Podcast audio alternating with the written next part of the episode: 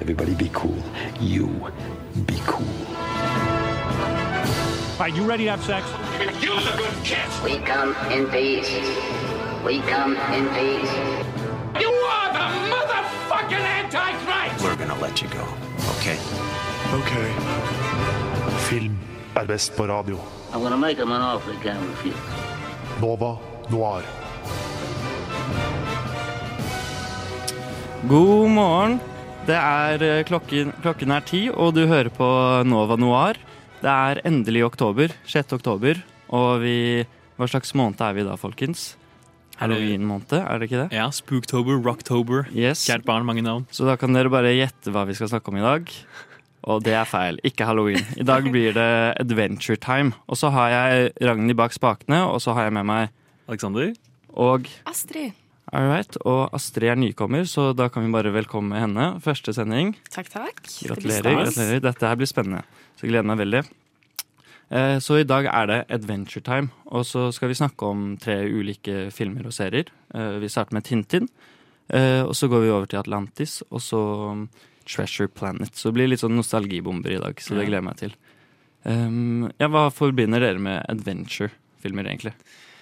Altså, man tenker jo, Tankene går veldig fort til, eh, til eh, Indiana Jones og liksom skattejakt og sånne ting. Mm. Og så føler jeg mange av særlig de filmene vi skal snakke om i dag, er jo basert på sånn veldig klassiske verker. Sånne 'Sjørøverplaneten' for eksempel, er jo basert på 'Skatten på sjørøvere' og sånne ting. Så det er mange sånne gode historier som er blitt gjenfortalt i god film. Ikke sant? Og det, handl- det, det er ofte hvor det liksom handler om mye sånne historiske hendelser. Man, opp, man eh, oppdager eh, og liksom faller over historie, monument, historiske monumenter og så videre. Så men, ja, jeg gleder meg veldig til å liksom snakke mer om det. Sett siden sist. All right. Hva er det vi har sett siden sist, folkens?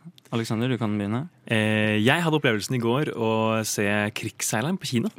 eh, faktisk. Jeg var litt usikker på om jeg skulle se den. Eh, har hatt krigsfilm litt langt opp i halsen de, de siste årene, og egentlig litt sånn skygget unna. Men eh, jeg er glad for at jeg så denne her. Fordi eh, her var det mye å ta med seg hjem. Altså, det er faktisk en, en utrolig godt eh, konstruert historie. Eh, I hvert fall de første, de, de første, de første to tredjedelene av, av filmen. Kjempebra, liksom. Em, veldig, altså En veldig på en måte emosjonell og på en måte karakternær historie. Det er veldig liksom, karakterdrevet. Eh, og man føler liksom veldig sympati med dem, og den er veldig godt eh, konstruert. Og, og føles på en måte Den er peiset godt. Manuset, selv om på en måte noen av eh, dialogleveransene ikke er så eh, smoothe, men det forventer man jo på en måte av norsk film, eh, så glir de veldig godt. Men så beveger man seg ut i liksom, den siste tredjedelen av filmen, og da prøver de liksom å skvise inn en hel film til på slutten av filmen. Eh, hvor pacingen da bare sånn stopper fullstendig opp.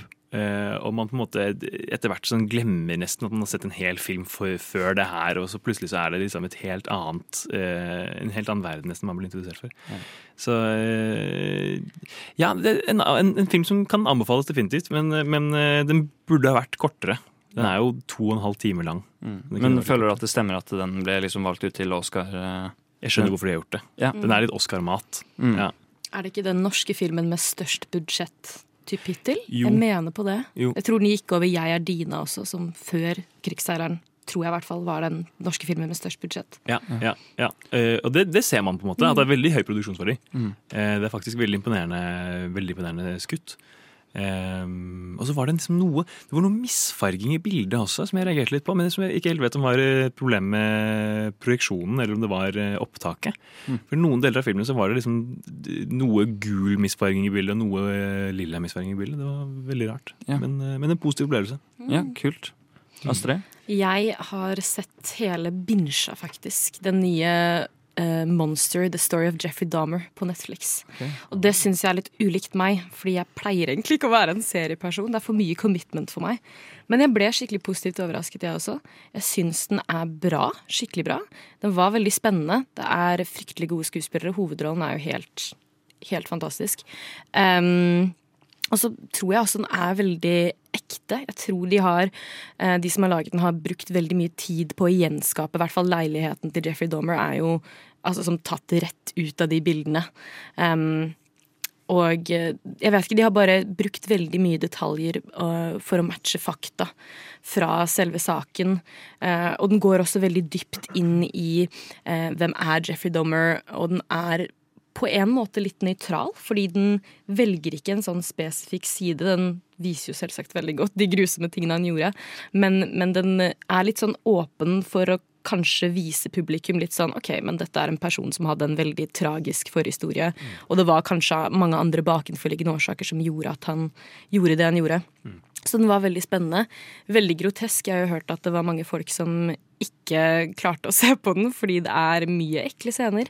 Uh, jeg har ikke noe imot sånt personlig. Men nei, jeg syns den var skikkelig bra. Den er absolutt verdt å sjekke ut. Kult. Ja, Du er jo glad i skrekkfilmer og sånt. Så ja, er... jeg er litt biased der. Ja, så jeg, jeg, jeg, tåler sånn, så jeg blir litt glad når de turte å liksom gå Det er jo supermorbide drap den uh, Jeffy Dommer har gjort, så det er liksom kult at de faktisk turte å vise hvor ekkelt det faktisk var i serien, og ikke bare glanse over det, på en måte. Mm, kult. Ja, det, Jeg har sett så veldig mye forskjellig, men uh, si, apropos Adventure Time, så skal jeg til Tyrkia om nøyaktig en uke. Så jeg har sett en sånn tyrkisk dokumentar som handler om uh, katter i Tyrkia, um, Istanbul.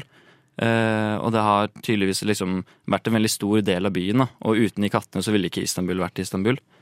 Um, og det var litt kult, for da følger man liksom sånne ulike katter rundt omkring i byen, og så viser liksom personlighetene til de kattene, og liksom hvordan de blir passet på av de som bor i Istanbul. da. Eh, og så var det en av, en av de som ble intervjua, som kom med en liksom morsom fun fact. Og de, eh, hun mente at eh, kattene kom fra Norge. At det var norske skip som kom inn i bukta i Istanbul der, og så hoppet kattene av båten. Fordi norske seilere hadde med seg katter på båtene for å, for å bli kvitt rotter. Ja. Eh, og så hoppet de av på Istanbul, og så bare ble de værende der. Ble forlatt. Og så har de bare Formert seg som bare det. ja. Som, eh, ja, så det var um, en liten fun fact. Ja, Fascinerende.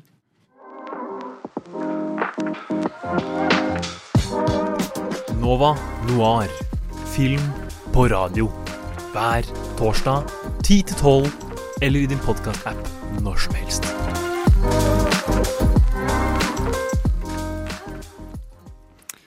Yes, Da skal Astrid ha en anmeldelse om Amsterdam. Du har vært og sett den, men først skal vi høre traileren.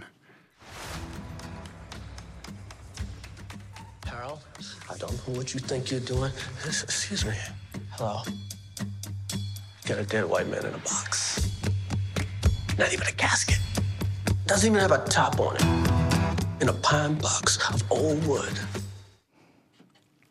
Ja, jeg var og så um, Amsterdam tidligere denne uka. Uh, den er skrevet, produsert og regissert av David O. Russell. Han står jo annet bak filmer som American Hustle.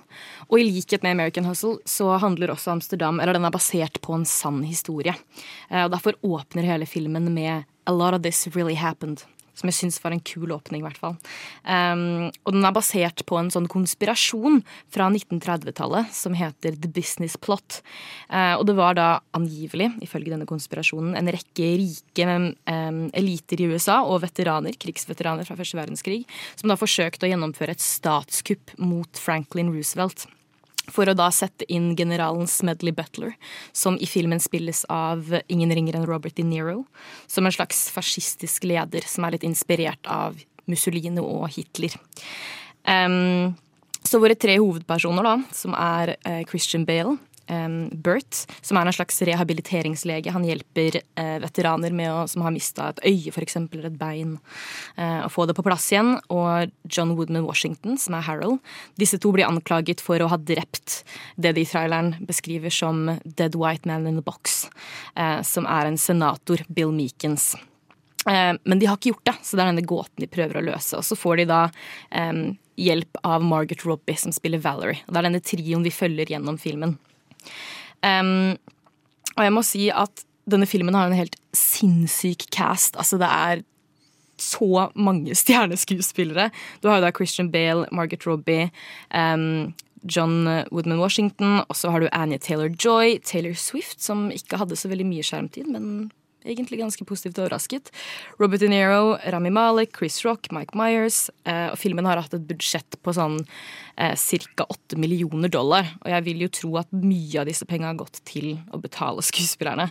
Um, og det er på mange måter også filmens sterkeste side, syns jeg. Uh, men den aller sterkeste siden er jo altså det visuelle. Cinematografien er helt fantastisk. De har brukt eh, fotograf Emanuel Lubeski, som annet har laget filmer som Gravity og eh, The Revenant. Eh, og det syns veldig. Fargepaletten er skikkelig nydelig. Det er litt sånn varme, duse toner. Uh, og det blir veldig tidsriktig. Du blir veldig dratt inn i denne epoken filmen forteller fra. Uh, og atmosfæren er veldig på plass, og den er veldig tro. Og klippingen er også veldig god. Det er veldig rask klipping. Og det følger liksom med det litt sånn lettbeinte og litt humoristiske tonen som filmen har. For det er Og det sleit jeg litt med å plassere, for det er litt sånn IMDb og Rotten Tomatoes og Filmweb ga meg liksom alle forskjellige svar på hva slags sjanger det dette er. Men det er vel en slags smash-up av um, en komedie, drama, mysterie, krim, thriller. En sånn god miks der. Um, veldig god musikk også. Uh, Hildur Gun Gunnodottir. Jeg tror hun er islandsk. Hun har jo laget musikk som til f.eks. Joker.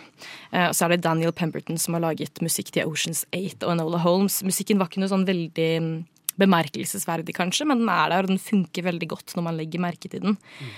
Uh, og apropos dette tidsriktige, så er jo kostymedesignen også skikkelig bra, syns jeg. Um, det er også tidsriktig, og du tror veldig på det. Og det er jo det vi trekker fram det positive ved filmen. Og så til det den har fått mye kritikk for, som jeg er veldig enig i. Det er et superrotete plott, og det blir bare kasta handlingsmomenter og bakhistorier mot deg. Det presenteres liksom en ny bakhistorie og en ny handling typ hvert kvarter. Så du sitter der med liksom tusen løde tråder som du liksom sliter litt med å samle og knytte sammen ordentlig, du veit ikke helt hvor filmen skal gå hen. Og det er også helt sinnssykt mange karakterer. Um, så det gjør at det er litt vanskelig å følge med og vite hvor de skal hen. Og siden filmen er basert på en sånn historisk event, så skulle jeg kanskje ønske at de hadde brukt litt mer tid på å forklare det. Um, før jeg dro og så filmen, så leste jeg meg litt opp på konspirasjonen, så jeg visste litt hva eh, filmen baserte seg på og handlet om. Men det er jo ikke, så vidt jeg vet, ikke en sånn superkjent historisk event. Så jeg skulle kanskje ønske at de hadde brukt mer tid på å forklare det. Selv om det sikkert er en kjip eh, ting å gjøre når du skal eh, lage en film som en regissør. Men da tror jeg folk hadde hengt litt mer med. Um, filmen har også et par sånne slags klisjé-dramaturgiske grep som kanskje kunne ha funket. Det er en del sånne um, voiceovers og mye sånne playbacks um, hvor filmen plutselig bildet fryser, og så er det sånn Well, you couldn't get here without a little bit of a backstory. A lot of this happened. Og så går det tilbake i tid. Og jeg veit liksom ikke om det funker, eller om jeg syns det er litt for cheesy. For meg så ble det kanskje litt very hot take, men litt sånn wannabe Tarantino. De der sånn klassiske dramaturgiske grepene og um, tekst som hopper opp på skjermen, og, og retroperspektiv, alle disse voiceoverne. Det funka liksom ikke helt. Det falt litt pladask. Um, og det er kanskje litt lite spenning for en såpass eh, lang og tung handling. Det er jo en film på to timer og 14 minutter. Um, og det er kjempemasse handling, men likevel så satt jeg liksom igjen med inntrykk av at det kanskje ikke skjedde så fryktelig mye. Uh, og det var en litt sånn antiklimatisk klimaks. Et antiklimaktisk klimaks, eller en slags antiklimatisk avsløring på slutten. Uh, jeg hadde håpet at det kanskje skulle gå en annen vei. Um, skuespillerprestasjonene var skikkelig bra. Det er jo De lever opp til sitt renommé, alle sammen. og Jevnt over veldig gode. Men det er jo noen som utmerker seg. Margaret Robbie, og der er jeg sikkert litt biased, for jeg elsker Margaret Robbie, men hun stjeler skjermen i alle scener hun er med i. Hun er skikkelig god. Det er også en veldig god karakter for henne. Den er kanskje en av de som er skrevet litt bedre, syns jeg. Den hadde litt mer lag enn de andre karakterene. Robert De Niro er også strålende. Um, vet ikke om det har så mye med karakteren å gjøre. Han er jo Robert De Niro, så jeg tror det er mye det at han bare er Han er seg selv, og det funker, og jeg kjøper det, og det er bra. Um, og dynamikken mellom Annie Taylor-Joy og Margaret Robbie overrasket meg også. Det var et par ganske morsomme uh, stikk der. Uh, og når Rami Malek også kommer på skjermen, så er det også gøy. Um, men mye av kritikken min er jo det skal jo være en komedie. Um, og jeg syns liksom ikke at karakterduoen som får mest skjermtid, altså Christian Bales karakter Bert og John Woodman Washington som er Harold, um, som får mest skjermtid i filmen, er ikke alltid like gøy når det bare er de to. Og det er litt sånn når disse to er på skjermen, så venter jeg liksom på at det skal komme inn en til skuespiller. Eh, og det blir veldig gøy når Margaret Robbie også kommer inn, fordi det er en skikkelig god dynamikk mellom disse tre. Eh, og så er det to etterforskere også.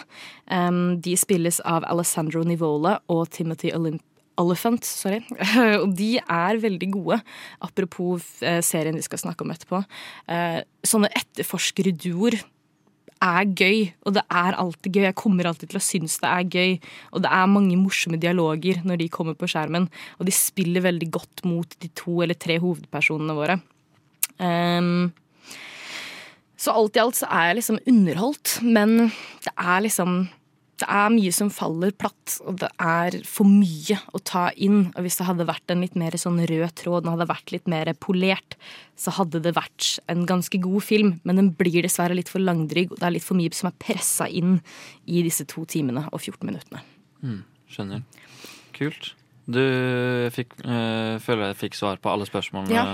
Jeg har, jeg har et spørsmål. Altså, dette her med, øh, Den er jo utrolig stjernespekket. Altså, blir det distraherende? Ja, for det er litt sånn Jeg hadde jo sjekket ut casten før jeg dro og så den, men jeg kan se på meg at hvis du liksom ikke har sjekket opp hvem som skal være med i den For jeg liksom gikk jo inn med inntrykk av at herregud, for en cast, dette kan enten bli dritbra, eller så går det Eller så blir det bare too much.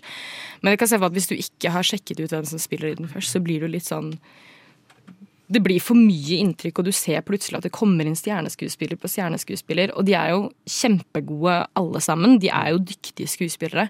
Men det blir liksom for mye av en god ting, på en måte. Man blir litt for starstruck. Ja, man for sånn blir- bakoversveis. Det er akkurat det. Det blir liksom litt for mange fryktelig kjente folk. Eh, og ikke alle får like mye skjermtid. Og det er kanskje noen jeg skulle ønske fikk karakterer som kanskje fikk mer skjermtid. Og så føler jeg også at mange av karakterene ikke har så mange lag, og vi får jo vite utrolig mange bakhistorier. Men mange av bakhistoriene um, gir oss ikke så mye om karakterene. Og det er litt sånn, her har du kjempedyktige skuespillere som har så mye å by på, og så får de på en måte ikke så fryktelig mye å jobbe med, liksom. Um, så de må bare prøve å være litt sånn morsomme og spille på det de har, og det er ikke alltid det funker. Um, og apropos det med at jeg ikke syns den var så veldig spennende. De mest sånn spennende scenene, når det liksom kommer opp en scene på skjermen og tenker at det her er jo det jeg vil se, dette er jo superinteressant. Det er sånne korte klipp som er um, i retroperspektiv, når en av karakterene tenker tilbake på noe som skjedde. Og så skulle jeg ønske at det var det de fokuserte på. All right. Siste spørsmål. Eh, hvis du måtte rate den 1 til 10, hva hadde det vært? Den er jo ikke helt håpløs, men kanskje en sånn fem, fire og en halv. Ja. Et sted mellom der. Den var dessverre ikke helt Ja, ti. Ja, kanskje en femmer. Den var liksom ikke helt Mm. Den kunne vært så mye mer. Ja. Men jeg var ikke fryktelig imponert, dessverre. All right. Takk for fin anmeldelse. takk, takk. Du lytter til Nova Når. All right. Adventure time. Nå skal vi på utflukt, dere. Um, ja, vi snakket jo så, så vidt litt om eh, hva vi forbinder med adventure-filmer og sånt. Men um, før vi går videre til de andre, har dere noen andre sånne adventure-filmer som dere er glad i? Eller? Eh, kan vi, altså, vi skal snakke om for det meste animerte eh, adventure-filmer i dag. Mm. Eh, og når det kommer til animerte, animerte adventure-filmer, eh, så er det vel i hvert fall disse som vi har sett i dag, som, eller som vi skal sette, sett, sett i dag, som, er, eh, som stikker seg ut fra min barndom. Eh, men så føler jeg også at adventure-sjangeren er litt, litt bred og litt sånn vanskelig å plassere, på en måte. Mm. Eh, Det er mye forskjellig. ja, det kan inneholde, inneholde mye forskjellig. Fordi jeg tenker på en måte, altså Klassisk adventure det blir liksom sånn Indiana Jones og Paris of the Caribbean, hvor det er på en måte Du følger på en måte gjerne en helt eh, på en jakt etter noe. Du skal gjerne være en skatt eller et eller annet storslagent. National Treasure. Fantastisk adventurefilm, for eksempel. Og de har vi jo på en måte en del av i dag. Uh, det er liksom en reise uh, for å finne et Og der skiller jo Tintin seg litt ut, uten å skulle foregripe, den uh, samtalen. Men ja. Det, det er interessant å ta liksom, den samtalen også om hvor, hvordan eh, animasjon kan eh, gjøre eh, adventurefilmer eh, Eller kan påvirke adventurefilmene også. Det gleder jeg meg til å snakke om. Det er det, for jeg føler det er liksom ikke så mange adventurefilmer som er eh, animerte. Da er det for det meste liksom eh, live action eller 3D-animasjon, og ikke tegneanimasjon. Mm. Eh, og jeg kjenner jeg savner det litt, så det var liksom deilig å se de tre filmene vi skal Mm. snakke om i dag. Ja. Så, ja. Men ehm, Nei, jeg vet ikke, da Det er noe med den derre tegnefølelsen som er veldig nostalgisk, og eh, jeg syns ehm, eh, Øst-Asia, sånn eh, Japan og Sør-Korea, er veldig flinke på å liksom bevare det. da. Eh, for eksempel Sudo Ghibli er jeg kjempeglad i. Um, Så ja.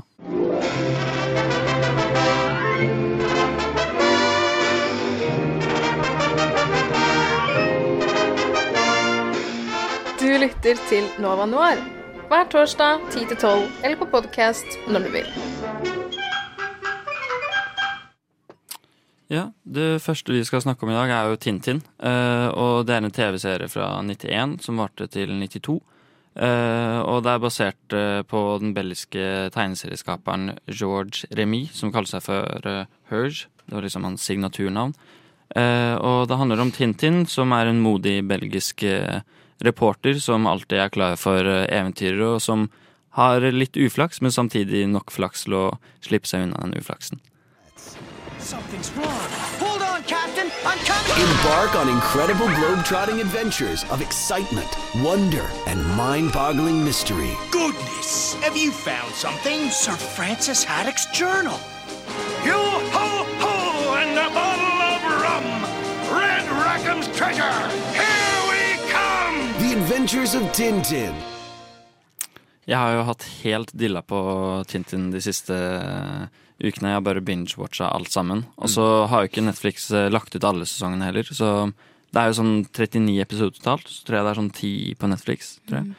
Um, men eh, ja. Um, Tintin er jo en ganske sånn kjent tegneseriebok som er fra sånn 20-tallet. Eh, og han har jo alltid med seg hunden sin, Milou som det heter på fransk, og Terry på norsk. Og så blir vi kjent med Captain Haddock og Dupont og Dupont.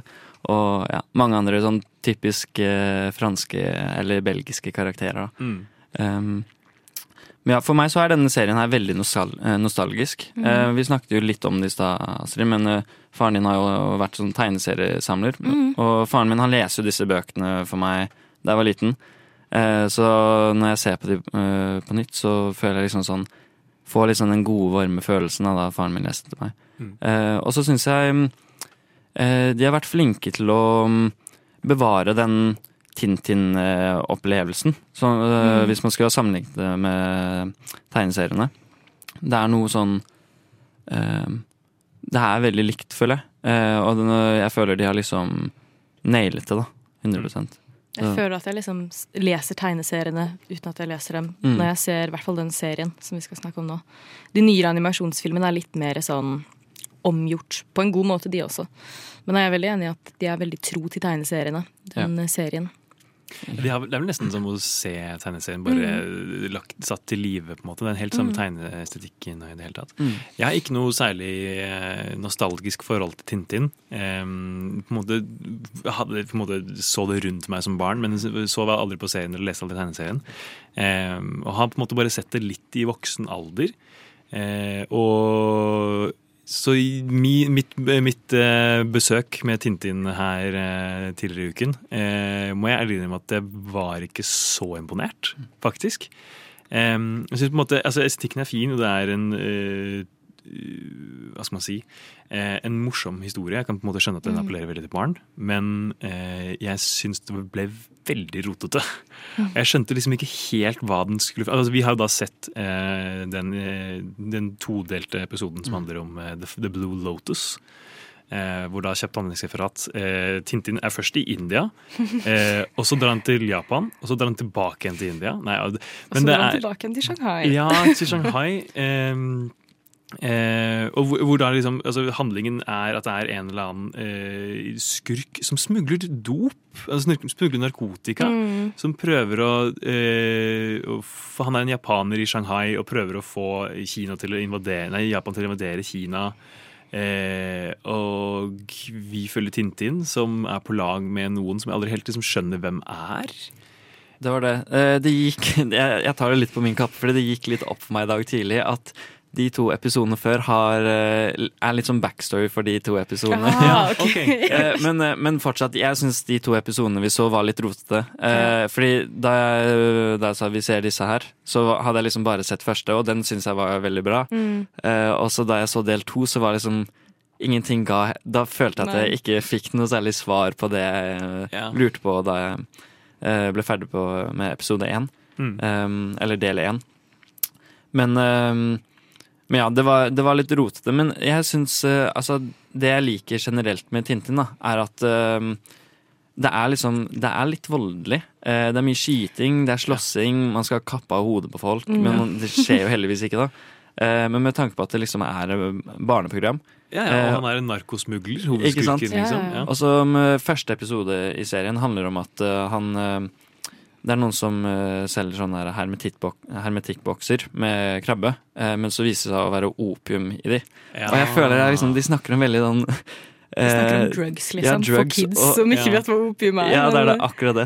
Eh, så jeg synes det er litt sånn Men jeg liker at det er en litt sånn edge på det. Eh, Ja, ja. De tør å liksom bare De stoler veldig på kidsa at de skal henge med, Og og man gjør det, for det er jo ganske enkelt fortalt. Absolutt. Eh, Men så er det, det er en sånn isletta orientalisme også, med sånn Mm. fransk liksom, overbærenhet overfor de tidligere koloniene sine, liksom. Ja, ja. Eh, det, er sånn, det, det er franskmannen som skal komme inn, komme inn og Ja, ja, rydde opp det er litt her. Sånn små rasistiske, kanskje litt Ja. hardt ord, men det er litt sånn disse tegningene av f.eks. japanerne og kineserne er så Ja. Ekstremt stereotypisk at Ja, du er sitter der sånn Dette har aldri vært greit hvis det kom ut i dag. Og men- stemmebruken også til, Ja, ja, ja. til de franske dømmerne. Jeg så det på fransk. Ikke sant? Ja, ja, du så det på fransk? Ja, ja. Det er bra. Det gjør jeg også. Det føler jeg er litt sånn viktig. For Mm. å Og liksom på bevare skjermen. Ja. Mm. Men eh, ja, det er det. Jeg tenkte også på det at det ikke er helt PK til tider. Men, eh, men eh, det er jo litt det der med å eh, De har jo basert seg på de historiene som uh, Mm. Hurge har skrevet, så det er liksom litt vanskelig å vike seg unna Ja, ja. det. Og så var jo på 90-tallet også, eh, og det er mye som har forandret seg siden da. Men jeg føler liksom, de følger jo en sånn alt, Alle er stereotypiske. Mm. Det er ikke sånn at de bare drar til eh, eh, Japan, for eksempel, og så er det bare stereotypier der. Det er liksom i Belgia også, for eksempel. Ja, ja, ja. de De, to driter litt sånn ut alt av alle, på en måte, og de politietterforskerne er jo også sånn Ikke super De gjør narr av alle. Mm. Det er også noe vi kommer til å snakke i hvert fall jeg har lyst til å snakke om når vi kommer til Atlantis også. Det her med på en måte bruken av stereotypier Mm. eh, og som arketyper. Og det er liksom typisk å gjøre det i serier for barn, tenker Ja. jeg. At det liksom man ikke alltid våger seg inn på å skape komplekse karakterer. Nei. Og heller ofrer eh, karakterdybde for liksom lettforståenhet. Og heller at man kan fokusere på handlingen i stedet for Mm. karakterene. Um, og etter hvert som jeg blir eldre, så tror jeg egentlig bare at det ikke interesserer meg så mye. At jeg, altså disse eh, arketypehistoriene som Mm. vi blir interessert for, i hvert fall i Tintin og Nå foregriper jeg litt av Atlantis-diskusjonen, men jeg kommer til å snakke jo. om det her i Atlantis Ja. også. Mm. Eh, men det Ja, jeg, jeg gir meg heller litt komplekse karakterer, ass. Mm. Ja, det er noe med at når du er barn, så har du kanskje ikke oppdaget at alle mennesker rundt deg er egentlig veldig mye mer komplekse enn det Mm. du tror. Så det er litt sånn, da kjøper du jo veldig de stereotypiske karakterene. Og så Ja. når du blir voksen, så blir det litt sånn Det blir for overfladisk, rett og slett. Ja. Så men ja, jeg savner kanskje også mer dybde i en del sånne karakterer. Ja. Men- det, jeg føler liksom Mummitrollet, der er de veldig flinke med det, for Mm. Mm. Med å skape litt sånn dybde i karakterer, og at man kan lese seg litt mer inn i det. Mens Mm. jeg føler med Tintin så er det litt mer sånn litt overfladisk. Ja. Um, Det er mer action og handlingen som er i ja, det er det. Men eh, en ting som de skal ha med tanke på action og sånt, eh, jeg føler det er sånn av og til så sitter jeg liksom på kanten av stolen. Mm, Ja. jeg også. Det er liksom, eh, I de episodene vi så, da, så mm, er det liksom folk som blir forgifta. og så- Det er sånn galskapsgift, som de kaller det. Mm. Eh, og så blir de helt gærne når de blir forgifta. Og så kommer, det, så kommer vi til et tidspunkt hvor Tintin holder på å bli forgifta. Ja. Og da blir jeg sånn Å, god damn, hva er det som kommer til å skje nå? Og så Ja. blir han forgiftet, og så sitter man der og venter sånn Oi, når er det han kommer til å bli gal nå? Men Mm. så eh, ble han heldigvis redda, da. Og det var, det var, ikke, mm, det var ikke gift, heldigvis, Nei. det han ble sprøyta inn. Det var bare For da hadde de bare plantet en, en, Ja, en femtekolonist i gjengen til han skurken som bare plutselig dukket opp og var sånn en Deus Ex-maken og var sånn Ja, jeg er på ditt lag. Ja, det er mye sånn. Blunket til Han har veldig flaks, han Ja, Tintin. Det er litt sånn det er der det. Er jo både uflaks og, og flaks. Ja. Uh, ja. Men litt mer flaks, for han kommer seg alltid ut av det. Ja. Så, mm, Uten at han egentlig gjør så mye for det selv. Mm. ja. Du Du Du hø hører På Radio Nova. Alexander, hva Atlantis? Hvilken film er det? Atlantis er en animasjonsfilm fra 2001. Eh, den er eh, regissert av Gary Trousdale og Kirk Weiss. Og har eh, Michael J. Fox blant annet i stemme, sin stemmen for eh, hovedkarakteren. Vi følger her en eh, eventyrer eh, ved navn Milo James, som hele sitt liv har drømt om å finne den, for, den forsvunne byen Atlantis. Eh, og eh, har da en bestefar som eh, også har vært på jakt etter den selsomme byen. Han møter da en, en riking som tilbyr seg å finansiere en ekspedisjon til Atlantis. Hvor han da reiser sammen med en, en, et motley crew med andre eventyrere. Og i en gigantisk ubåt for å prøve å finne denne byen, men ikke alt går som planlagt.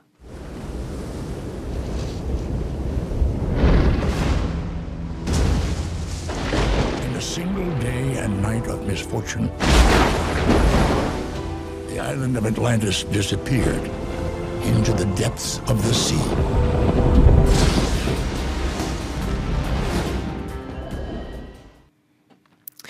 All right, Atlantis. Eh, her er mye å si, men jeg tror jeg kanskje vi skal starte et annet sted. Lukas, vil du eh, begynne? Ja, um, det, Jeg hadde jo ikke sett den filmen her på kjempelenge, eh, så jeg husket ingenting da jeg, mm, før jeg så den. Men da jeg begynte å se den, så begynte jeg å huske mer og mer underveis. Um, men det var liksom Det var en uh, god følelse, men ikke like god som Tintin, føler jeg. Uh, ikke like nostalgisk. Men um, Og så følte jeg at det var liksom Avatar er basically en adopsjon av Atlantis. Det handler om liksom noen som oppdager en ny verden. Så har de Ja, ja. eh, dette urfolket, eller hva det er. Eh, de har en slags sånn hellig ting som er veldig verdifullt for eh, mennesker, da. Mm. Eh, og så må dette urfolket em, forsvinne eller eh, bli endret på for å kunne få tak i dette middelet. Mm. Eh, så jeg føler også, ja, spoiler alert, eh, så ender det opp med at han blir der også, Ja. som også skjer i Mm. Avatar. Ja. Så, ja. Jeg er enig, det er en viss likhet. Det hadde jeg faktisk ikke helt eh, tenkt på i, eh, eller mens jeg så det. Men eh, det er jo ja, aktuelt i disse dager hvor det kommer en ny Atlantis. Hva tenker Mm. du, Astrid? Jo, nei, de ligner veldig. Så jeg, det er en veldig sånn lik adopsjon. Men jeg husker bare Det er så mye nostalgi for meg med Atlantis. Jeg husker eh, på DVD og sånn, når vi hadde den, så husker jeg på starten så snakker de jo Den åpner jo med eh, sånn i retroperspektiv fra eh, Atlantis og det folket, og de snakker jo på dette urspråket sitt. Og jeg husker alltid sånn godt minne jeg har fra filmen, at um, når DVD-en kom på, så drev alltid jeg og broren min og var sånn Nei, nå har du satt på feil språk på den, nå skjønner vi ikke hva Nå er det et eller annet rart du har satt på. Og så var det bare dette urspråket. Men den er jo skikkelig kul, og jeg savner veldig når Disney-filmer var og den vi skal snakke om senere også, skikkelig sånn voksne og veldig mye mer um, historisk i dybden. Jeg vet ikke helt hvordan du skal beskrive det. Mm. For å være Disney, på en måte. Mm. Den er ikke så lettbeint som de andre animasjonsfilmene deres. Nei. Er derfor jeg liker den så godt. Ja, det er det. Jeg savner litt sånn, eh, sånn her estetikk òg. Det har jo Mm. bare forsvunnet helt. Ja. Um, og jeg vet ikke, det er bare Det har blitt litt for mye 3D-animasjon, føler jeg. Um, og jeg syns det burde ha vært eh, begge deler. Og så føler jeg det er altfor mye remakes. Um, For eksempel Ariel har jo vært veldig sånn kontroversiell i det siste, men eh, jeg føler det eneste problemet jeg har med det, er at man bare bør prøve å la, skape noe nytt. da. Og det Mm. føler jeg de, de har vært flinke med Atlantis og Treasure Planet, som vi skal snakke om senere. Ja. Eh, jeg har også liksom et nostalgisk forhold til denne filmen her fra barndommen av. Eh, så den, det er Særlig forbundet den med liksom eh, barnepass på Sats på Sjølyst. Mens mine foreldre var og trente, så satt jeg så på Atlantis på barnepassen. Men eh, gjensynet mitt eh, nå må jeg si at det ikke var så veldig positivt eh, ladet, faktisk. Eh, jeg kjedet meg ganske mye gjennom denne filmen. Eh, og det handlet veldig mye om at eh, jeg ikke klarte å connecte eller like hovedkarakteren, Nei. James. James. Fordi det er, han er bare sånn en sånn klassisk arketype av en sånn nerdete fyr som liksom får sin redemption og tørr. Og jeg syns ikke det var noe morsomt. Altså, jeg syns humoren liksom virkelig ikke treffer meg i dag. Den er på en måte skrevet mot barn, så jeg skjønner på en måte det. Men, eh, men altså, den derre var så manglende dybde, liksom. Den prøver å etablere liksom, en sårhet i hans karakter og tapet av bestefaren osv. Mm, men det går aldri noen steder. Nei, det går aldri noen steder. Og så plutselig, ut av ingenting, dukker denne gamle mannen Mm. opp som bare er bestevennen til bestefaren hans. Som han aldri har hørt om og aldri har møtt. Og han kjøper det! Og han kjøper det! Og tilsynelatende så er det sant. Jeg vet ikke helt. Altså, Ja, Det det. det får man aldri noe svar på. Nei, Man vet liksom. aldri helt hva man, hva, hva man Mm. skal tenke om han gamle mannen helt på slutten. Om han på en måte var delaktig i dette her eh, planen om å faktisk ta denne energikilden. Eller fordi han var tar jo også lurt. Milos parti på slutten, liksom. Ja. Når nesten alle bad guysa plutselig er sånn nei, vi står med deg. Så Ja. går jo han også over. Ja. Vet aldri hvor han var til å starte med. måte. Nei. Er rart. Eh, og altså, historien også på en måte veldig sånn klisjépreget. Eh, og dette her med at hun eh, dama han møter skal være så på en måte pen og bare sånn engleaktig. Ja, Kida. Eh, ja, Kida. Eh, og nei, jeg, jeg, jeg, det, det, det traff meg rett og slett ikke, altså. Faktisk. Mm. Nei, jeg kan si meg enig der. Eh, jeg, denne filmen her så ble jeg litt skuffet eh, da jeg så den på nytt. Jeg håpet på noe eh, ikke så mm, eh, tørt, på en måte, eller så, så tynt, da. Jeg følte ikke at det Litt samme som med Tintin, at det var liksom ikke så dynamisk. Nei. Eh, veldig sånn enkle karakterer. Eh, og man har liksom Man har jo sett denne karakteren her før. Mm. Eh, men jeg føler det har jo også noe å si med liksom at det ble jo laget på tidlig 2000-tallet også, eh, og da var det litt mer sånn eh, Man aksepterte litt mer enn det man gjør nå. Eh, det er jo tross alt eh, over 20 år siden. Mm. Men eh, jeg vet ikke. Det er jo det er det, Den får jo automatisk eh, nostalgia points, liksom. Eh, så, så man blir litt sånn biased, føler jeg. Um, men eh, ja. Men hva, hva følte dere satt igjen med etter, etter dere har sett filmen? da? En følelse av at eh, man er lettrørt som barn. Mm, Absolutt. Ja, den var, jeg er helt enig i at den var liksom ikke så sykt episk og kul som jeg husker den som liten. Men jeg liker den fortsatt skikkelig godt, og den er veldig som dere sier, veldig typete og kanskje veldig overfladisk veldig klisjépreget. Men det går også fint, for det er liksom en sånn Det er en adventure-barnefilm, så jeg kjøper det. Karakterene er veldig Det du sa om Kida, på en måte, som er veldig sånn engleaktig. Hun syns jeg liksom blir for snill. Hun blir liksom, hun har ikke så mye dybde. Jeg syns alltid Helga Sinclair var mye kulere. Hun er jo bad guy, men jeg syns alltid hun var skikkelig mye kulere enn Ja, ja, ja. en Kida. Ikke at hun har så mye dybde, eller hun er jo også veldig stereotypisk, men hun var litt mer badass. Ja. Men det samme er jo litt med hovedkarakteren nå. Eh, Mhm. Jeg føler liksom sånn eh, Det eneste konflikten er liksom ytre konflikt. Ja. Eh, hvor eh, den gjengen han er med, eh, eh, går helt imot hans moral, på en måte. Mm. Eh, men det er liksom det er ingenting, Han må liksom ikke kjempe med sine egen, mot, mot seg selv, da. Eh, som kan gjøre det mye mer spennende, liksom. Mm. Eh, og ja, jeg gleder meg litt til å snakke om neste film, for der er det litt mer det med en av karakterene. Ja. Eh, og det, det får du høre nå snart. Nova Noir. Nova Noir. Nova Noir.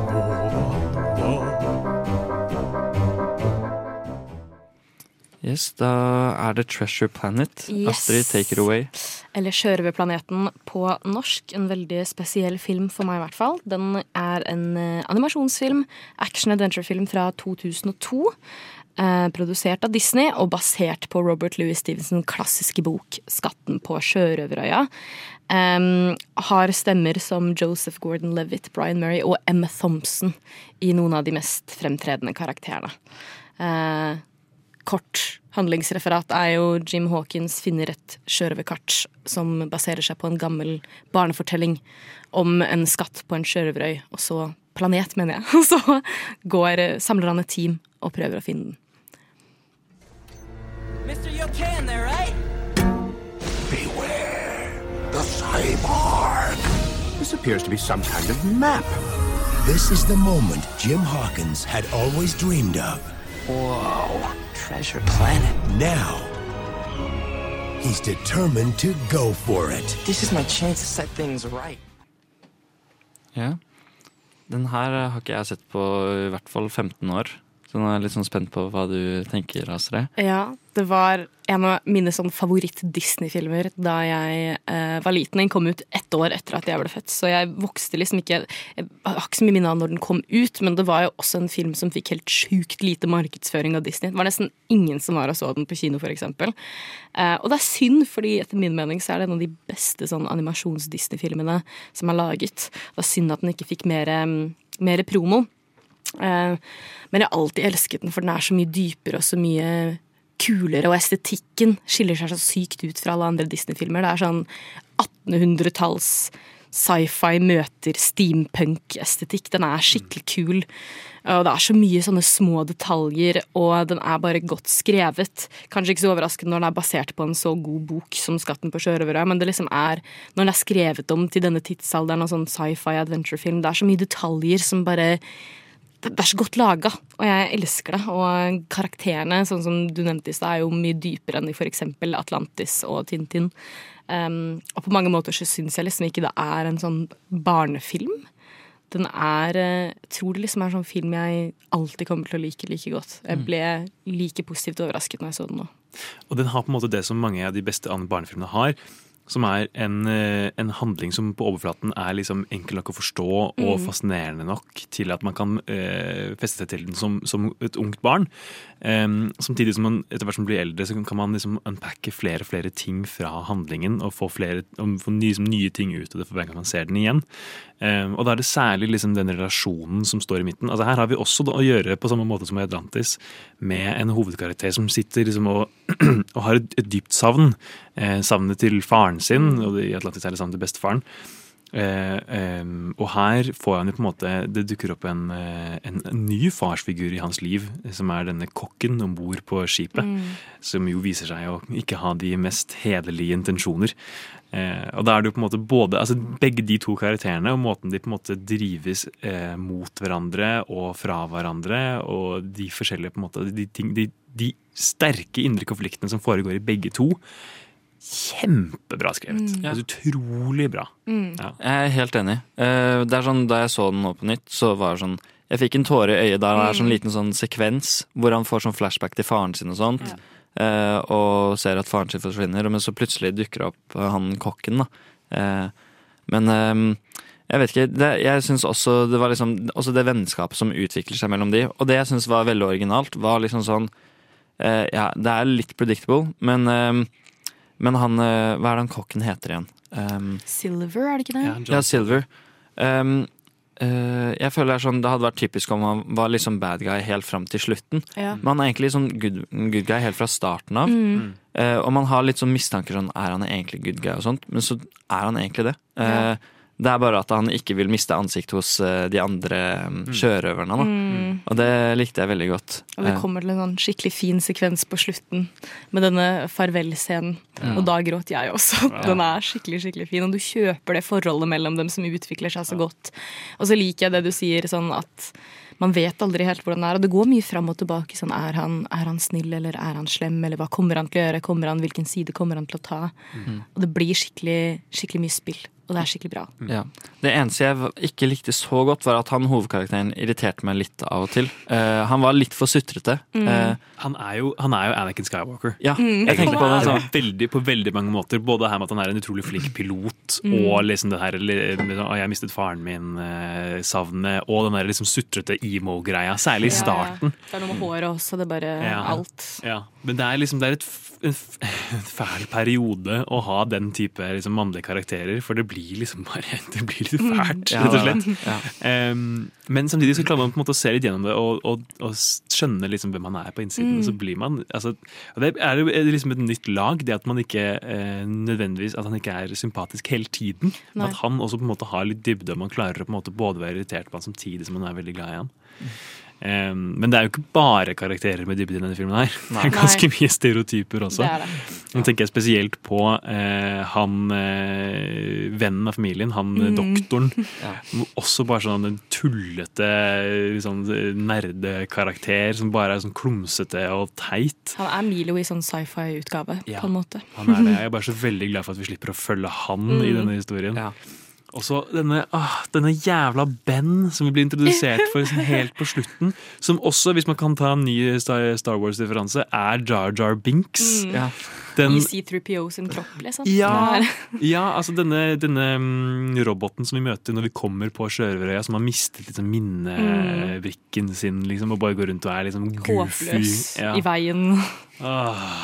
Ja, det er litt irriterende, men det er det jeg liker med det. Ja. Eh, men, eh, for det blir liksom en sånn god blanding. Det blir sånn godt og blandet. Mm. Um, men eh, ja, og så er liksom for eksempel eh, han derre ene skurken på båten, han derre edderkoppfyren. Billen. Som, eh, ja, billen. Mm. Eh, som man eh, blir litt sånn redd for. Og jeg husker jeg ble livredd for han da jeg så på det her da jeg var liten. Mm. Han er det. Så jeg var liksom spent på sånn åssen jeg skulle reagere nå, om jeg hadde sånn PTSD fra da jeg så han. Fra, men det hadde jeg heldigvis ikke. Nei, han var ikke like skummel. Nei, han var ikke like Nei. skummel. Men, um, men jeg er jo også veldig fascinert av verdensrommet. Jeg, er Mm. også, det var sånn, det bare, alt bare De trykker på liksom de riktige knappene gjennom hele filmen, syns jeg. Og det syns jeg er veldig kult med Det er liksom sjørøverplaneten, og de er i verdensrommet, men det er ikke verdensrommet. Fordi, og det er bare sånn klassisk eksempel på hvor godt skrevet den filmen er her. For de er i eterium. Stort ord, men det funker. Og eterium er verdensrommet, men det oppfører seg som et hav. Det er vinder, og det kan være rolig. Og jeg syns hele teknikken med hvordan de har skrevet disse skipene For det er jo et samfunn som bare er drevet på solkraft. Så eksempel når sola skinner på seilene, så blåser jo seilene som er opp som det skulle vært vind i dem. Og det er mange sånne smådetaljer som bare funker, og jeg kjøper det. Og det er romhvaler. Ja. Åh, de er kjempekule! Og det er jo også en sånn skikkelig fin kontrast hvor du ser For dette er jo en av de filmene som både er 3D-animasjon og 2D-animasjon. Um, noen ganger blir det kanskje litt for stor kontrast, men det er skikkelig kult. Og det er Syns den filmen er veldig godt animert for sin tid å være, på en måte. Den er veldig imponerende med tanke på at den er laget i 2002. Ja, den er utrolig kult laget. Mm. Eh, og mange av disse scenene som foregår på innsiden av skipet, Ja. hvor man på en måte kamera følger rundt, og du på en måte ser og Det er utrolig fascinerende! Mm. Istedenfor på en måte den måten du animerte i Tintin, hvor det er bare sånn eh, bilde, bilde, bilde, Ja. bilde. Så er det liksom det er noe som er tegnet, og så er det noe som er 3D-animert. Mm. Eh, og det var jo en helt sinnssykt dyr film å lage. Ja, ja, ja. For den 3D-animasjonen var jo så veldig tidlig, eh, og at det tok, liksom, det tok veldig lang tid og krevde veldig mye kraft eh, å faktisk lage disse animasjonene. Det ble en veldig dyr film. Og det gjorde jo at det var jo ikke en særlig suksess da den kom, annet fordi den ikke ble markedsført eh, av Disney. Den ble jo litt sånn nesten gravlagt Ja, før den den i det hele tatt kom ut. Ja. Utrolig synd, for det er en Mm. fantastisk film. Det er det, jeg syns det er så kult at de har liksom Her har de virkelig prøvd å liksom gjøre noe litt nytt, da. Eh, Og bare gønne på. Jeg føler Atlantis er litt mer sånn litt safe. De vet det kommer til å selge. Eh, Det er liksom pen, veldig pene karakterer. Mens i Treasure Planet så er liksom alle disse monstrene og Ja, det er en litt mer sånn røffere film for Mm. barn, liksom. Eh, Men jeg, det er det jeg liksom setter veldig pris på med litt sånn eh, med barne-TV-serier eller filmer eh, som tør å liksom gjøre det litt skummelt for barn. Mhm. At man faktisk blir litt skremt, da. Mm. Eh, for man, alt skal ikke bare være happy hele tiden, føler jeg. Nå, alt trenger ikke å være så dritkoselig. Ja. Men apropos koselig, jeg husker jeg alltid hadde så lyst på Morph da jeg var liten. Ja. Jeg hadde så lyst på en sånn liten rosa klatt som var bestevennen min. Det er det. Jeg var litt sånn bekymra for at jeg skulle tenke at den var sånn ah, irriterende og den prøver å være Ja. søt, men den var faktisk Den er gøy, og det funker. Og jeg syns den er kjempesøt nå også. De kjøper det fortsatt. Nei, jeg syns uh, I kontrast med Atlantis så syns jeg denne her scorer bra. mm. uh, hvis man ser bort fra en uh, nostalgi-points også. Mm. Er Inglourious Basterds den beste Tarantino-filmen? Nei, det er jo ikke det. Det er ikke det. Det er, er det noen som mener noen av dere det? Nei. Sånn helt Ja. Du mener det? Ja. Film er best på radio. Nova Noir. Ai, ai, ai, for et eventyr, folkens. Så nå skal jeg spørre dere hvilke deler av eventyret likte dere best? Hvilke filmer? Sjørøverplaneten. Treasure Planet. Without a doubt. Ja, det er ikke noe tvil. Det er, det er Sjørøverplaneten. Jeg kan si meg helt enig. Um, og jeg føler liksom sånn um, Ja, den vinner jo både um, eh, Nå klarer jeg ikke å snakke. Uh, hvordan den er laget, story og karakterer. eh, også nostalgisk points for min del. Mm. Det er veldig sånn Det var veldig godt å se den, og jeg er så glad for at jeg sparte den så lenge. Mm. Det er litt gøy å liksom se filmer man ikke har sett på lenge, og man har alltid litt den bekymringen for at det liksom, man kommer til å bli skuffa. Og det var så deilig at, at jeg ikke ble det denne gangen. Mm. For Jeg hadde egentlig ikke noen særlig sånn nostalgiske forventninger til den da jeg så den. Jeg har på en måte sett liksom deler av den. Jeg tror ikke aldri, jeg tror aldri engang jeg har sett den helt ferdig. Um, men jeg ble veldig positivt overrasket. Det er egentlig handlet ikke, ikke så mye om nostalgi som bare at jeg digget den. Og sitter egentlig også nå med en følelse av at jeg må se den igjen snart. Ja. Altså. Ja, faktisk. Men jeg synes også at um, det vi ikke har snakket så mye om, altså, vi har jo nå snakket om animerte filmer. Uh, og det på en måte animerte adventure-filmer kan veldig godt, er jo at de kan uh, bygge helt nye verdener Mm. eh, fra ingenting. Um, og det er jo veldig fascinerende å se på hvordan det, hvordan det gjøres i de forskjellige filmene og seriene vi har tatt opp i dag. Um, I Tintin så er det på en måte en ganske liksom, realistisk framstilling av India og Kina og sånn. Um, og det på en måte det skjer jo mer som en klassisk tegneserieteknikk, eller er en klassisk tegneteknikk, og det, på en måte, estetikken blir mer som en uh, tegneserie enn nesten en film. Um, men det er også litt interessant å sammenligne Atlantis og Sjørøverplaneten. For de er jo begge to utspiller seg i liksom tilsvarende verdener. Det er litt Mm. sånn steampunk-aktig. Eh, Det er en fortid, men det er med mer liksom avansert teknologi enn det vi har i dag, nesten. Eh, Men jeg føler allikevel at Sjøplaneten klarer eh, å skape et, eh, et, en verden som man får inntrykk av at har liv i seg. Mm. Altså Når man kommer i den der spaceporten som ser ut som en halvmåne, så Ja. er det så mange ting som foregår rundt. Man får på en måte inntrykk av at her Vi følger bare én av uendelig mange historier som vi kunne Mm. ha fulgt i denne verden. Jeg vet ikke hva dere tenker om det? Jo, jeg er helt enig. Man får jo litt sånn- Og det er, jeg føler den er jo ganske inspirert av Star Wars, i hvert fall den uh, halvmånen der. Mm. Men um, jo, jeg, jeg føler akkurat det samme. Det er liksom veldig mye liv i filmen, og uh, det er så mange stories. Uh, jeg husker um, um, han Jim spør Silver ja, hvordan var det du ble cyborg. Og så Mm. liksom tenker han tilbake i tid, sånn, så får man liksom aldri svar på Nei. hvorfor han ble cyborg. Og jeg blir dritnysgjerrig på det. Ja, ja. Det kunne man vært får- egen film om uh, bakhistorien til Silver. ja, det er det. Og jeg bare, jeg digger Silver, ass. Jeg syns han var en helt fantastisk eh, karakter. Uh, Men jeg føler Treasure Planet er liksom et godt eksempel på hvorfor man uh, bør fortsette med sånn tegneanimasjon. Og man kan jo kombinere med litt 3D-animasjon også. Mm. Eh, og det liksom Tintin og Atlantis er jo liksom kule og, serier og filmer. Men eh, eh, det mangler litt det derre det dynamiske i seg, da. Eh, at det er kanskje litt bedre storytelling. Um, så jeg, det jeg mener, er at man bør fortsette med tegneserier, men kanskje prøve å lage noe som tåler tidens tann litt mer. Ja, ja. Ja, for du synes, altså Den um, Tintin-filmen som kom ut for noen år siden, den er vel fullstendig 3D-animert. Ja. Ja. Eh, og det Jeg vet ikke, altså jeg har ikke sett den på lenge, men jeg likte det veldig godt. Ja. ja, jeg syns det funket veldig bra. Ja, faktisk. Vet du, Ja. hva, hva du syns du om det som er en Tintin-fan? Nei, det er, det, det er lenge siden jeg har sett den, eh, men jeg syns jeg kan huske at jeg likte den veldig godt. Og det er sånn, jeg har jo ikke noe imot at det blir noe 3D-animasjon av Tintin, liksom. Mm. Eh, Men jeg føler det blir bare sånn generelt. Disney har liksom bare gått helt vekk fra den estetikken de startet med. Ja. Og nå har alt blitt bare sånn 3D-animasjon, og jeg føler det liksom Den Disney-estetikken var liksom Disneys sjel, og det var det som Mm. var deres personlighet, da. Eh, og nå føler jeg det har liksom blitt sånn vanna, vanna ut litt. Men nå er jo ikke Disney én ting. Disney er jo alt. Ja, Ikke sant? det er Ja, det er det. Så det er vanskelig å på en måte eh, pinne det ned til én ting, for de gjør jo Star Wars. Mm, det er ikke eh, én identitet lenger. på Det er så sjukt mye. Ja. Ja. ja, det er det. Eh, Men det er jo For jeg føler sånn 90-2000-tallet så pika Disney på et vis. Ja. Eh, Eller det var liksom Da nærmet seg slutten. Og eh, for eksempel Aristocats er jo helt fantastisk. Og ja, de, de har så mange gode filmer fra den tiden. Mm.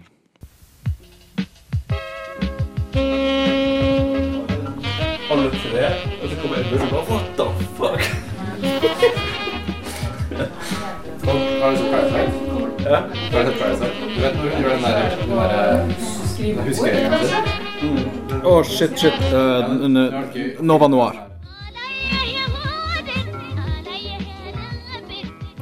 Da har vi Sofie Granberg i studio med oss, og du har sett hvilken film da? Jeg har vært og sett eh, Notre-Dame i flammer, eller Notre-Dame brûlée, som den heter på fransk. Kult, kult. Og du skal gi oss en anmeldelse på den, ikke sant? Ja, Mm. eh, det var jo veldig viktig for meg å dra og se denne filmen da den kom, fordi da Notre-Dame faktisk brant, så bodde jeg i Paris og fikk NRK-varsel om at det brenner i Notre-Dame, og tenkte ah, shit, dette må jeg få med meg. Og dro dit og så det skje. Eh, så det kanskje ikke en hyggelig ting å på en måte, gjenoppleve på storskjerm, men jeg hadde veldig lyst til å se hvordan de hadde laget denne filmen. For den er jo en Det er jo ikke en dokumentar. Det er jo en eh, dramatisk Eller ja, en drama-gjenfortelling. En slags biografisk dramafilm. Eh, hvor de gjenforteller mye av det som skjedde på innsiden. da, Hvordan brannmennene og redningsmannskaper og sånn jobba for å prøve å redde Notre-Dame. Ja, kul.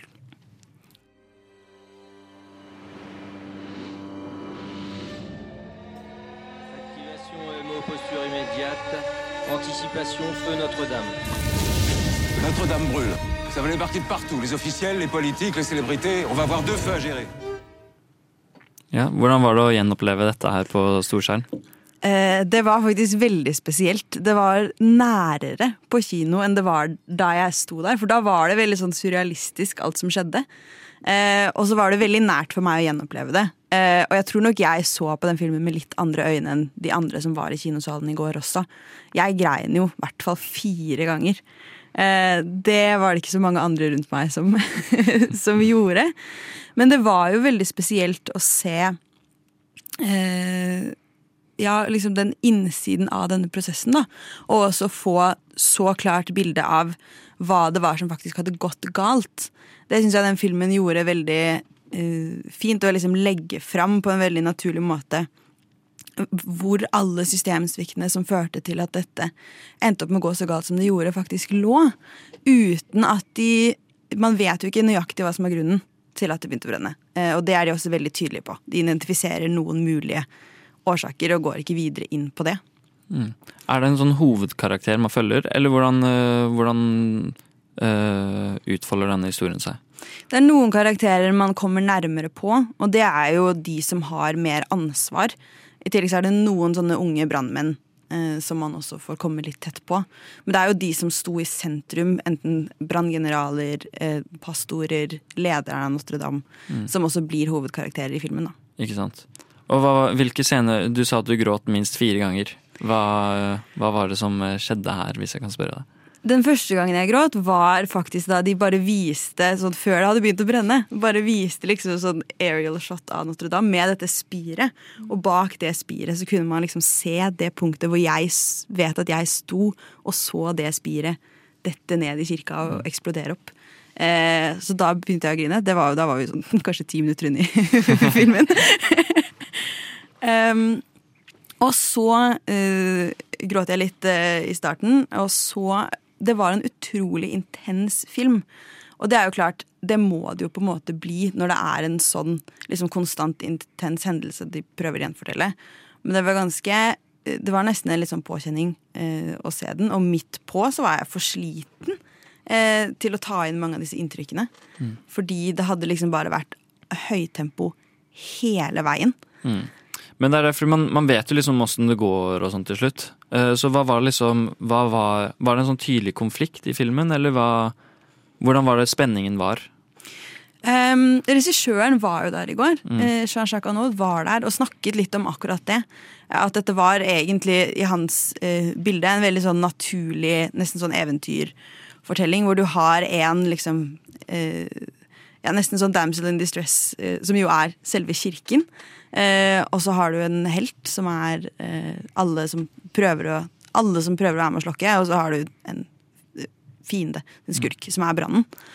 Eh, og det var lagt opp veldig sånn, så det var ingen karakterer underveis som du ble invitert til å enten elske eller hate eller få et veldig sånn nært forhold til. Em, det var mer liksom hendelsen som sto i sentrum.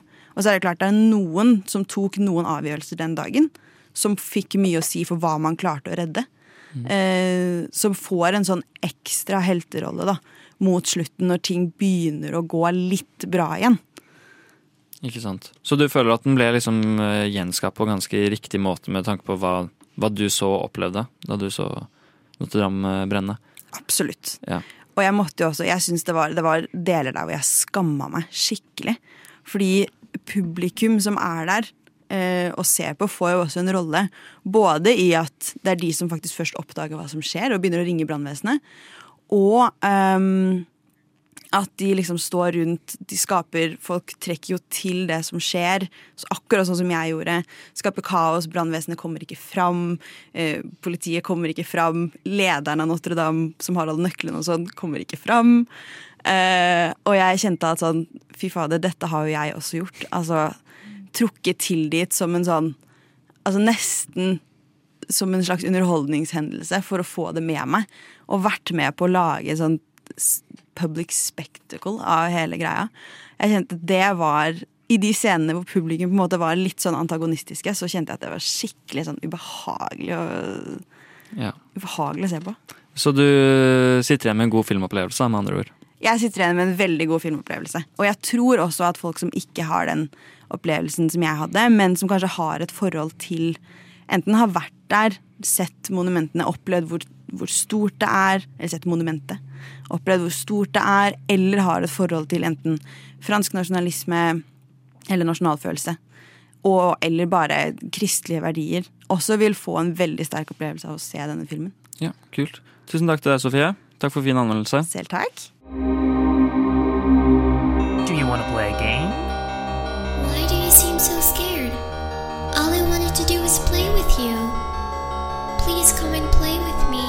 Let's play a game!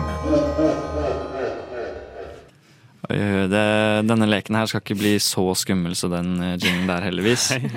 Eh, men ja, den leken som vi skal ha i dag, det er en eh, lek som jeg har tenkt kan være litt gøy. Jeg tror ikke vi har prøvd det før. Mm. men det jeg har gjort, er at jeg har valgt seks forskjellige kjente filmscener som er ganske kjente, og jeg tror dere, jeg er ganske sikker på at dere har sett disse filmene.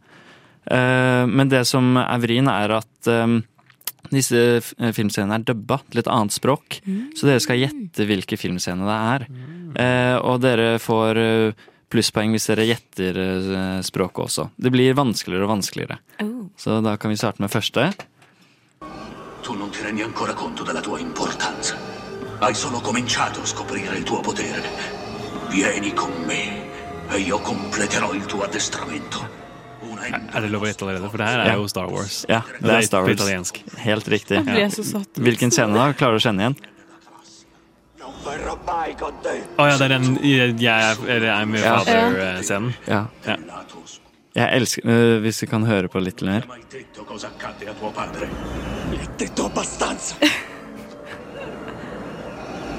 Che sei stato tu ad ucciderlo. No, io sono tuo padre.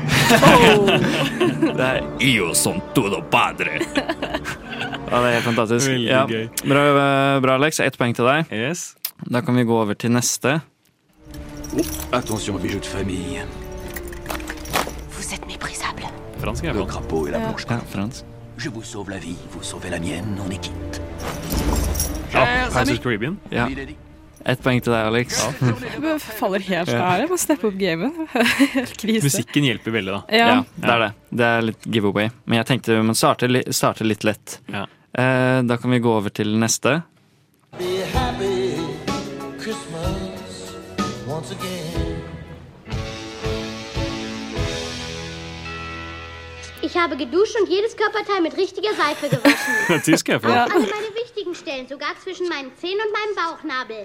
Das habe ich noch nie getan, aber es hat Spaß gemacht. Ich habe meine Haare gewaschen mit Erwachsenen-Shampoo und eine Spülung gemacht für diesen besonderen Glanz. Ich konnte meine Zahnbürste nicht finden, also werde ich eine kaufen, wenn ich heute rausgehe. Ansonsten bin ich aber tipptopp. Kjenner dere igjen? Nei. Det er, skal, jeg, skal jeg si det? Ehm, det kan ikke være Bare kast det ut. Eh, nå husker jeg ikke hva den heter engang. Det står helt stille for meg. Den der eh, julefilmen som alle ser. Love Actually. Nei, men det er en julefilm. Er det? Ja, det er Hjemme Er det- alene. Det er Hjemme Når han driver og klasker aftershave på Ja. ansiktet. Ja. Så det er det som er healing eh, på slutten der. Okay. Men all right, da går vi over til eh, neste. Ben yüzüme buz torbası koyarım. Bin tane çekebiliyorum.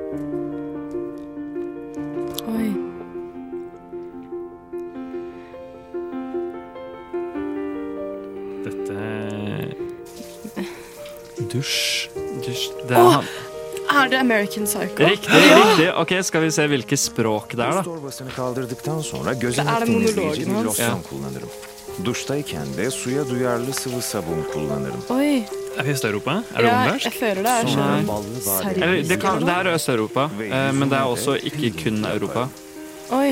Eh, er, det russisk? Ja, det er tyrkisk. Ah. Det er tyrkisk. Mm. Ja, stemmer. Yeah. Nice, bra jobba, folkens. Wow. Det var veldig bra gjetta av deg, Astrid. Vannet, vet du. Mm.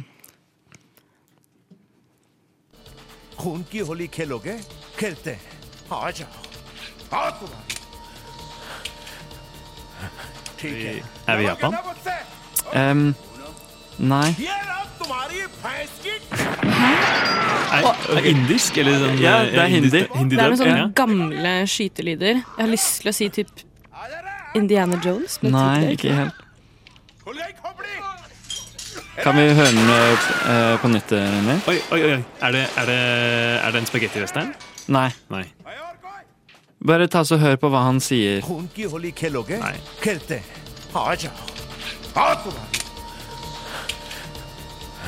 ठीक है लड़ोगे ना मुझसे ओके ये रहा तुम्हारी भैंस की ok, skal jeg si det? Er det Eh, hva- Nei, jeg vet Jo, ikke. si det. Er det Say hello to my little friend? Ja, det er riktig. Say hello to my little friend. Ja. Det er Scarface. Dirty Harry. Eh, Scarface, faen. Ok, Så bra. Da får Alex poeng for å gjette språk, og du får poeng for å gjette riktig film. Yes. Nice. All right, da tar vi siste, um, siste film.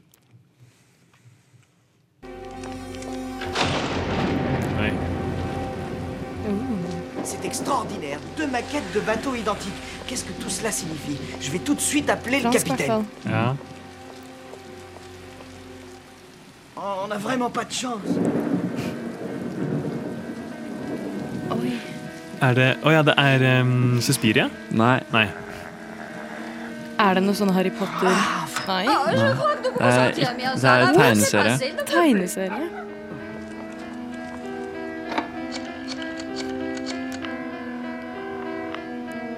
Skal jeg si det? Her, var jeg, her har jeg vært litt slem. Eh, ikke bak en så kjent filmscene, men det er Tintin.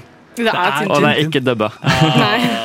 Og det her var lurespørsmål. Ja, for jeg hadde lyst til Tintin, men tenkte det kan jo ikke være. Nei, det var for avvist. Ja, det er det. All right. Bra jobba. Dere var veldig flinke. Vi klarte vel å gjette alle, bortsett fra Hjemme alene. Um, Vi klarte ikke å gjette Tintin heller, da. ja, og Tintin. Ja. Men det føler jeg, den telles ikke helt, syns jeg. Nei. Nei, juks. All right. Da spiller vi enda en lek. 20 spørsmål. Uh, jeg har skrevet ned et par filmer her. Um, så nå skal dere ha 20 spørsmål på å gjette hvilken film det er. Så kan dere lyttere også prøve å gjette dere fram til hvilken film jeg har skrevet ned. Mm. Så jeg tenker at vi kan ha ca. ett minutt um, per uh, Eller Så ett minutt og 20 spørsmål? Vi må være kjappe med våre ja. spørsmål. Eller ok, to minutter, da, for To- å være litt ok. Så ser vi om okay. det blir for dårlig, Ja. eller Ja. Så da starter vi. Klar, ferdig, gå. Er den um, hvilken, Hvilket land kommer det fra? Det er ja-nei-spørsmål. Oh, never mind. Er det en engelsk film? Eller Ja. amerikansk? Ja. Ja. Altså, Den eh, handlingen Altså, det språket er på engelsk? Språket er på engelsk. Okay. Ok. Eh, em, er det en eh, barnefilm? Nei. Eh, er det en dramafilm? Eh, ja. Em, er det kjente skuespillere i den? Ja. Er den fra dette årtusen? Altså fra 2000 Um, jeg, det er jeg faktisk litt usikker på. Jeg, det er liksom Det er etter 2000-tallet, i hvert fall. Okay. ok. Ok, ja, ja. Eh, Er den animert? Nei. Nei. Mm. Uh, du tok jo kjente filmer. Ja. Eh, er det Å nei, jeg vet ikke. Uh, har den vunnet Oscar? Nei. Det Nei. tror jeg ikke at den har. Er det Er det noe sånn klassisk eh, Er det typ en sånn klisjé-historieplott? Ja. Sikkert litt åpent spørsmål. Men. Okay. Er den, er den basert på en eksisterende historie? Er det en originalt eh, Um, eller, altså, spørsmål, jeg, jeg retter spørsmålet. Er det en, et originalt manus? Mm. Ja, Ja. det er det. Er hovedpersonen eh, mannlig? Nei. Nei. What? Nå går vi over Jeg tror vi er på tiende spørsmål nå. Ok. Ehm, har den et kjent soundtrack? Ja, veldig. Okay. Det er det den er kjent for. Oi, ok. Altså Mm. originalt score? Eh, det, er, um, det er ikke original score. Eh, det er liksom tilpasset filmen. Ok. Eh, Så det er litt sånn hint, det. er det Kill. Bill? Nei. Er det Americans Nei, eh, American Beauty? Niks. Mm. Men eh, ok, jeg skal gi deg litt flere hint. Uh, musikken er veldig viktig. Eh, det er det som eh, gjør, gjør filmen det det er til. Oi. Er det, altså, er det en musikal? Ja. Er det La La Land? Nei. Nei. Nå er du på 14 spørsmål. Å, fy faen. Eh, musikal med en kvinne i hovedrollen laget eh, på av Eller i- på denne siden av 2000-tallet. Er det Hairspray? Nei. Nei.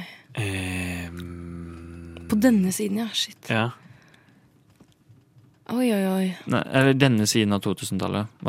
Ja. Altså etter 2010? Etter- Ja, etter- etter- nei, Nei, etter, ja, etter, etter- etter 2000, 2009. liksom. Ja, ja, det stemmer. Ja. Jeg skulle bare forsikre meg. Ja. Mm. Um, oi, Det var ikke en barnefilm, nei. Nei. Um, Altså, det er liksom Barn kan se den, men det er jo ikke laget for barn. Nei. Nei, Nei. ikke sant. Nei. Man vil ikke bli uh, scarred for life som barn. nei, nei. nei.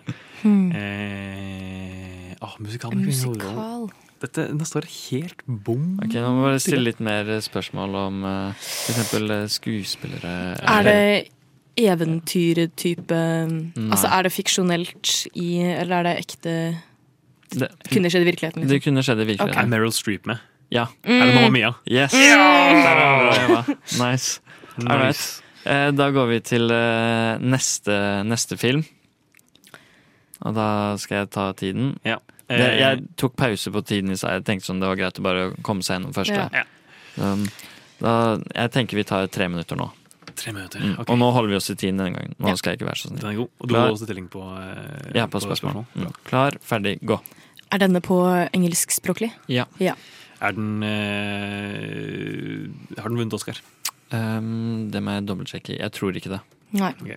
Um, er, eh, er det en eh, dramafilm? Ja. Okay. Den har vunnet Oscar. Den har vunnet Mm. Oscar. Ok. Eh, men da regner jeg med at den ikke har vunnet Oscar for liksom beste film, men kanskje for eh, manus eller et eller Ja, annet. ja. Eh, er, det, eh, er den fra denne, denne siden av 2000-tallet? Nei. Nei. Er det en mannlig hovedrolle? Ja. Ok. Eh, er den laget av en eh, regissør som er kansellert i dag? Eh, det, det tviler jeg på. Det har jeg ikke hørt om, i hvert fall. Nei. Ok. Ja, Woody Allen er utelukket. da. Ja. Er, det- er um, sånn som du spurte om, så er manuset utenforstående? Så er det basert på noe, eller er det originalt manus? Eh, jeg tror det er originalt. Okay. Ja. Eh, har den et kjent soundtrack? Mm, ja, veldig kjent soundtrack. Veldig kjent soundtrack. Er det musikal?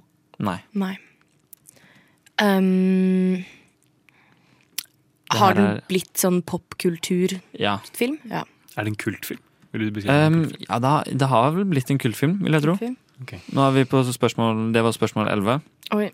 Oi, oi, og så har dere to minutter igjen. oi, oi, oi. Um, hmm, Kultfilm med soundtrack. Er det mange kjente skuespillere i den? Um, altså Ja, det vil Ja. jeg si. Det er ganske mange kjente skuespillere. Ok. Skuespillere Men- som var kjente i sin, Sin- samtid? Ja, vi vet jo ikke hvilken tid dette er heller. Ok, jeg kan gi et hint. Um, det er liksom Det er tidlig karri eh, karrieren til, den, eh, til um, hovedskuespilleren. Er det Titanic? Nei. Nei, det var basert på originalt manus. Mm. Men det spør litt mer rundt om årstider. Årstider? Ja, eller bare sånn Ikke årstider, men årstall, mener jeg. Eh, er den fra 90-tallet? Nei. Ikke fra 90-tallet. Mm. Hvordan er vi på med spørsmål nå? Eh, 14, det var 14. Oi, shit. Så den er ikke fra 90-tallet og ikke etter 2000-tallet, så Ja, da må den det være før 90. 80 eller 70 eller noe sånt. Ja, Ja, ja, ja. Er den fra 80-tallet? Ja. Ok. okay. 80-tallet. Eh, Kjent soundtrack. Veldig kjent, Kjent soundtrack. hovedkarakter eller Og det er en dramafilm? Det er dramafilm. Slash eh, action, da. Er det typ Indiana Jones? Nei, Nei. det var tidlig karriere. Da kan det ikke være Harrison Ford. Er det Ok, et hint. Eh, det kom ut en eh, ny film. En eh, Er det, er det Ghostbusters? Nei. Nei. What? Nå må dere bare stille i vei. Det kom ut en ny film? Ja, det kom ut en ny sånn sequel, på en måte. Nå helt nylig? Ja, veldig nylig. Og det er action-drama. Actiondrama? Ah, Det er mannlig hovedrolle. Kjent kjent. Oi, der gikk tiden. Dessverre. Top Gun. Selvfølgelig! Nei! Åh. Ah, åpenbar. Ja, All right. Um, Ja, ja. Skal vi, skal vi ta en til en? Jeg trekker en til. Ja. Uh, ok, da er det bare å Eller vent litt, nå må jeg velge. Det er to sikre her. Vil du, Eh, skal jeg stille her? Ja, vil du det? Ja. Ja. Ok. Um, da starter tiden. Ok, Er det en amerikansk film? Ja. Amerikansk film. Er det en mannlig hovedrolle? Ja. Ja. Um, ble den laget før 2000-tallet? Ja. Er det en dramafilm? Ja. Ja. Um, er det en kjærlighetshistorie? Eh, ja. Mm. Det var før 2000-tallet? Ja. Ja. Um, ok. eh, Er den basert på en forutliggende historie, eller er det originalt manus? Oh, det skal jeg dobbeltsjekke. Ja. Ehm, Still spørsmål til mens jeg sjekker det. da. har den eh, vunnet eh, Oscar? Eh, det har den. Det har den. Kom den, den- ut, kom den ut på 90-tallet? Ja, Ja, det var det jeg skulle spørre om. det gjorde den. Har vunnet Oscar? Og ja, det er en kjent eh, Det er kjente um, Det er originalmanus. Oh, okay. Bare. Det er kjente skuespillere. Kjente skuespillere. Er en av skuespillerne ganske tidlig i karrieren sin? Og, eh, om en av skuespillerne er ganske tidlig i karrieren karrieren sin. bare- Altså, hoved, Hovedrolleinnehaveren er ikke tidlig i karrieren Ah, okay. sin, vil jeg si. Ok, uh, Og det er en uh, mannlig rolle som Mannlig hovedkarakter. Ja. Ja. Um, er han uh, over 20 år? Ja. Ok. Nei, jeg tenkte kanskje What's Eating Gilbert Grape, men det kan ikke Ja. Det er ikke Titanic. Det er ikke Det er ikke Titanic. Men det var kjærlighetshistorie? Kjærlighetshistorie. ja. Okay. På Det 90-tallet. er på eh, Åh, 13 spørsmål. Oi, er det um, oh, hva, hva heter den igjen? Um, er det en scene i regn, eh, regnet på slutten? Oi. Eh, ja. Er det en Notebook? Nei. Når, jeg vet ikke om den kom. Jeg har aldri sett den. Er det um... Nei, det husker Ok, jeg det er en scene i regnet. Eh, Hvilken var det du snakket om? Mannlig hovedrolle. Notting Hill? På forrige Nei, jeg tenkte på innslagssamlingen. Kan det, det være sant. den? Men det, men det, Kan det være Notting men det var jo en amerikansk produksjon. Å ja, ja. amerikansk Never film. mind. Mm. Men eh, kanskje ikke heng dere så mye opp i at det er en kjærlighetsfilm. Ja, ok. Ja. Ok, jeg ble veldig låst på det. Ja. De har eh, fire spørsmål igjen. Oi, shit. Oi, oi, oi. Um, Mm. hmm. Da må vi komme på med noen sånne gode spørsmål som Mm. um, Luker ut litt ting. Um, Nå er jeg spent på om de lytterne der ute har klart å gjette seg Ja. fram til det. Ja, ja, jeg vet ikke, de, altså, de har ikke, Dere har ikke på en måte peilet det så veldig mye inn. Nei. Det var Nei, mer enn at det er veldig åpent det er en fortsatt. kjent hovedkarakter. Ja, men det er sånn skummelt å si. er det kjent for- soundtrack? Eh, soundtracket, altså scoren, originale scoren, er ganske kjent. Mm. Men det er ikke det du tenker på når du tenker Nei, på den nei, okay. ok. Og de fleste har sett den. Jeg vil tro at Ja. de aller fleste har sett den. Ok, jeg håper jeg har sett den. Ja, jeg det er. Um, nei, nå er jeg helt forferdelig Ja, ja, dårlig på å gjette. Ja, ok. Um, eh, dere kan få et hint. Ja. Eh, eh, hovedkarakteren eh, spilles av en mann som nå er kansellert. Oi! ok. Er det Kevin Spacey? Ja, det er Kevin Spacey. Mm. Å, hvilke filmer er det han uh, sp Her er jeg litt blank. Jeg vet ikke helt. um, Fra 90-tallet. Mm. Ja, nei, hans kanskje mest, uh, mest definerende filmer. Det var han som vant Oscar, eller? Oh. Eller var det um, Nå skal jeg bare dobbeltsjekke. Hva slags Oscar-pris var det som Ja, det er jo ikke et ja-nei-spørsmål, men Nei. Men eh, du, du, du.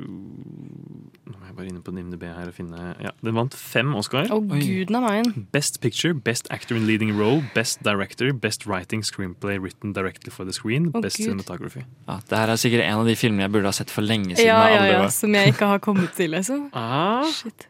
Ok, men uh, Skal jeg bare avsløre, da? kanskje? Ja, bare Nei, det er American Beauty. Å ja, faen!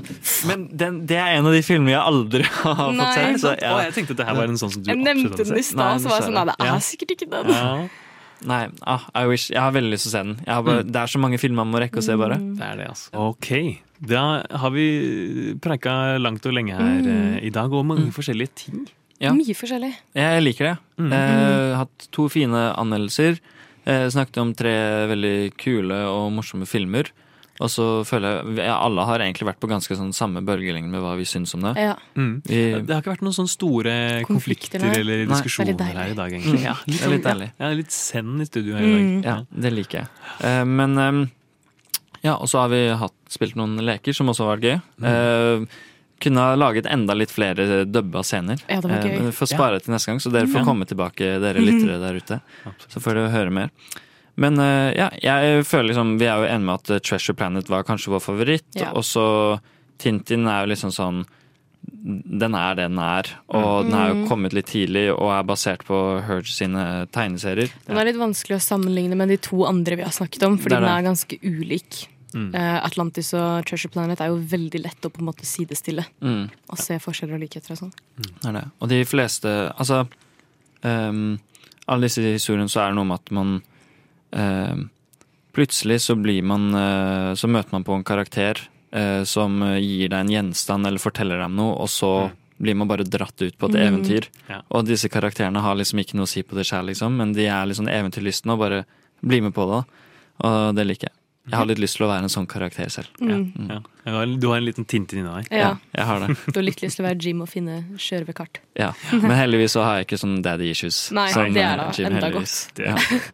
In a world governed by corporate sellouts, there's one station which refuses to bow down, and that simply wants to deliver great entertainment. Radio Nova.